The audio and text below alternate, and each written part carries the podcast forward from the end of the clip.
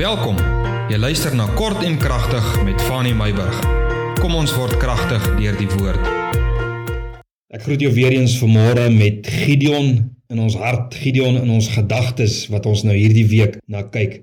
Ons voel nogal die verandering van die seisoen hè. Ervaar jy dit ook? Die lente is op pad. Vandag wil ek met jou gesels oor Gideon se bewysstukke. Gideon het bewysstukke gesoek. Hy wil weet Is dit God wat met hom gepraat het? Is die roeping waar? Is dit reg? En hy vra wonderwerke en God doen die wonderwerke. Ons gaan nou na net na twee van hulle kyk. Gideon was eintlik, nee, as jy mooi daaroor dink, hy was baie braaf aan die een kant, maar hy was ook baie dom om dit te doen, om hierdie bewysstukke te vra, want as God hom die bewysstukke gaan gee, dan is daar mos nou geen omdraai kanse nie. Al bewe hierdie man soos 'n riet en al krimp sy binneste dat hy naar voel. Jy weet mos wat maak spanning aan hou. Hy was braaf want daar was 'n plan op die tafel. Al was hy die plan, daar was 'n plan op die tafel. Maar hy was braaf. Hy wou geweet het, Here, hierdie plan wat op die tafel lê, is dit werklik U wat hierdie plan op die tafel neergesit het, want dit is ek wat in die middel van die tafel staan. So die Here gee aan Gideon bewyse. Nommer 1 dat hy 'n aanvaarbare offer bring en dat die engel sal wag totdat hy hierdie offer gebring het. Dit lees ons in Rigters 6 vers 17 tot 21. Gideon antwoord: Hy sê as ek dan guns in u oë gevind het, doen vir my 'n teken dat dit u is wat met my spreek. En wat hy vra is: Verwyder u tog nie hiervandaan voordat ek by u kom en my gawe uitbring en voor u neersit nie. Met ander woorde hy vra: Here, sal u bly? Sal u vir my wag? Ek wil 'n offer gaan gereed kry. Hy sê toe: Ek sal bly totdat jy terugkom. Gideon het toe ingegaan, hy het 'n bokkie gaan berei en van 'n eva meel het hy ongesuurde koeke gemaak. Hy het die vleis het in 'n mandjie gesit, die sous in 'n pot en hy het dit na hom uitgebring onder die terpentynboom en dit naby gesit. Maar die engel van God het vir hom gesê: "Neem die vleis, die ongesuurde koeke, sit dit op hierdie rots neer en gooi die sous daaroor uit." En hy het so gedoen. Daarop steek die engel van die Here die punt van die staf wat in sy hand was uit Hy raak die vleis en die ongesuurde koeke aan. Toe gaan daar vuur op uit die rots en verteer die vleis en die ongesuurde koeke.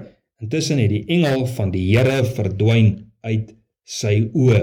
Die teken wat hy gevra het is: "Sal u wag? Ek het 'n offer wat ek wil bring."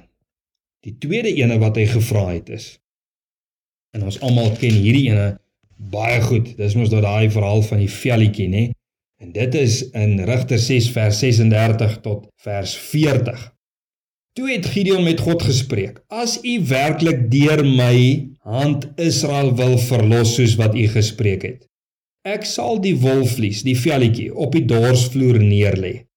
As daar nou môreoggend net op die vlies dou is terwyl die grond oral droog is, dan sal ek weet dat U deur my hand Israel wil verlos soos wat U gespreek het."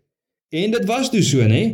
Toe hy die volgende môre vroeg opstaan het, hy die vlies uitgedroog en die dou uit die vlies uitgedruk, 'n hele kom vol water. Toe het Gideon met God gespreek.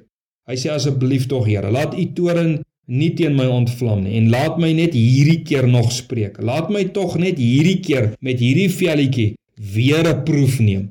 Laat dit op die velletjie alleen droog wees terwyl daar op die grond oral dou is. Die Here het daardie nag so gedoen. Op die velletjie was dit droog, maar oral op die grond was daar dou gewees.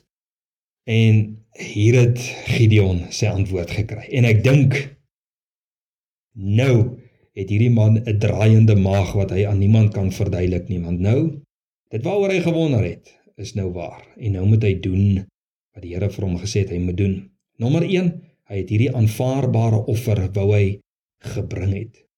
Ek wil hê ons moet Nuwe Testament toe gaan. Ek wil gaan hê ons moet 'n bietjie gaan kyk. Onthou, hy soek bewyse. Wat is my en jou bewyse as kind van die Here? Dat ons die Here moet volg en voluit vir die Here moet werk en as disippels moet optree vir die Here. Wat is die bewysstuk? Nommer 1. Gideon gaan maak 'n bokkie reg en hy bring ongesuurde brood. Dit is die beeld van Jesus Christus. Jesus is die lam, sy bloed en die brood. Dit was die bevestiging en dit is die bevestiging van ons roeping.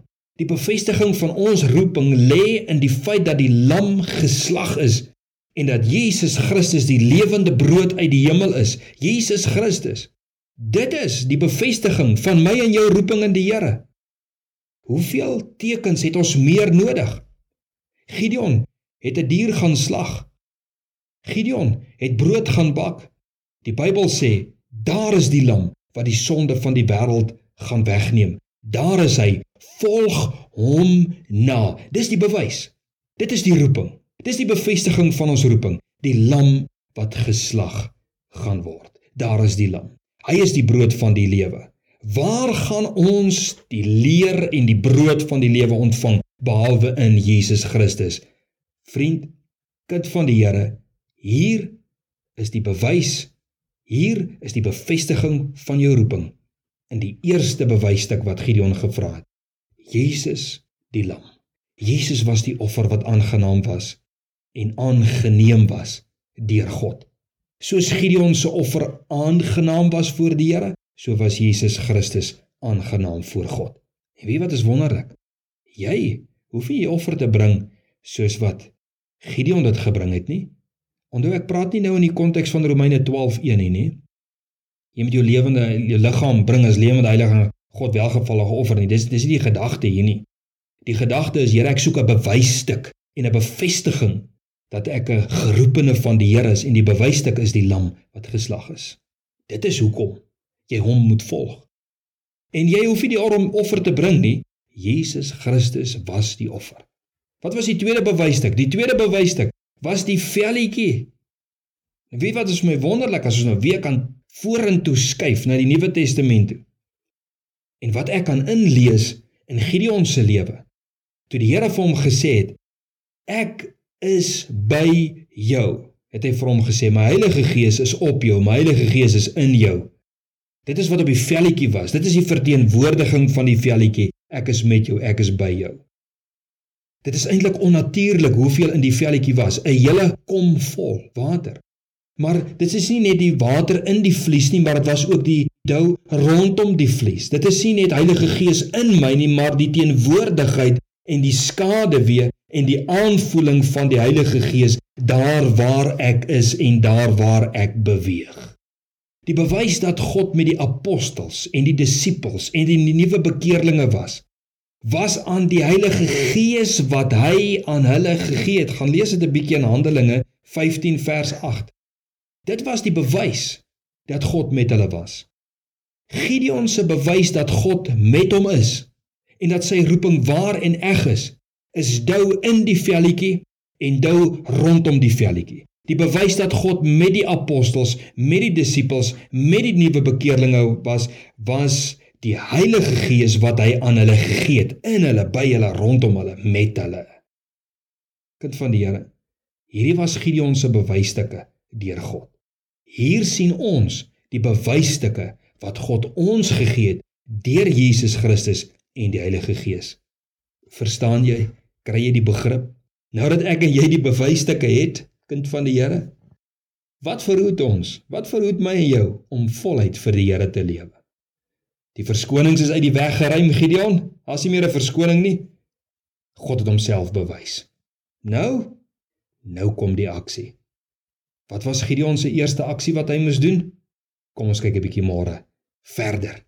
Wat is die aksie? Wat was sy eerste aksie? Nadat hy gekwalifiseer geword het, die bron van sy kwalifikasie besef het, nadat hy die bewysstukke ontvang het, wat was die eerste taak wat God op sy skouers gelê het? Nogal nie 'n maklike een nie. Nou ja, so gesels ons môre verder oor Gideon.